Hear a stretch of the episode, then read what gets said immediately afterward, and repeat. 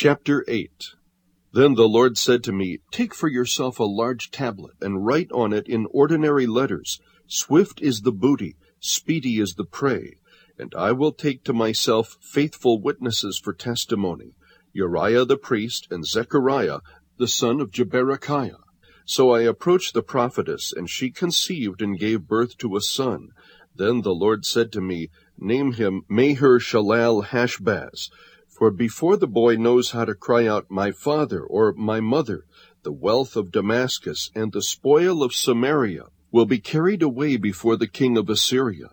Again the Lord spoke to me further, saying, Inasmuch as these people have rejected the gently flowing waters of Shiloah, and rejoice in Rezin and the son of Remaliah, now therefore, behold, the Lord is about to bring on them the strong and abundant waters of the Euphrates, even the king of Assyria and all his glory, and it will rise up over all its channels and go over all its banks. Then it will sweep on into Judah. It will overflow and pass through.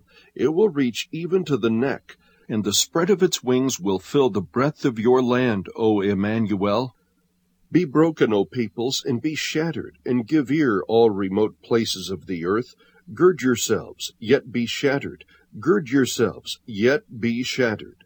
Devise a plan, but it will be thwarted. State a proposal, but it will not stand, for God is with us. For thus the Lord spoke to me with mighty power, and instructed me not to walk in the way of this people, saying, You are not to say it is a conspiracy, in regard to all that this people call a conspiracy, and you are not to fear what they fear, or be in dread of it.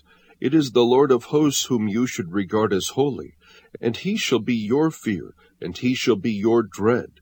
Then he shall become a sanctuary, but to both the houses of Israel a stone to strike and a rock to stumble over, and a snare and a trap for the inhabitants of Jerusalem. Many will stumble over them, then they will fall and be broken. They will even be snared and caught. Bind up the testimony, seal the law among my disciples. And I will wait for the Lord who is hiding his face from the house of Jacob.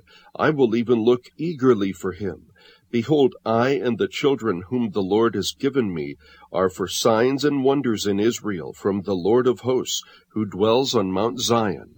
When they say to you, Consult the mediums and the spiritists who whisper and mutter, should not a people consult their God? Should they consult the dead on behalf of the living?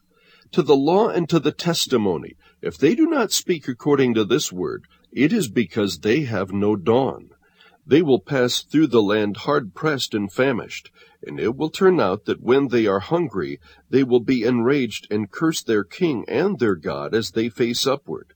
Then they will look to the earth, and behold, distress and darkness, the gloom of anguish, and they will be driven away into darkness.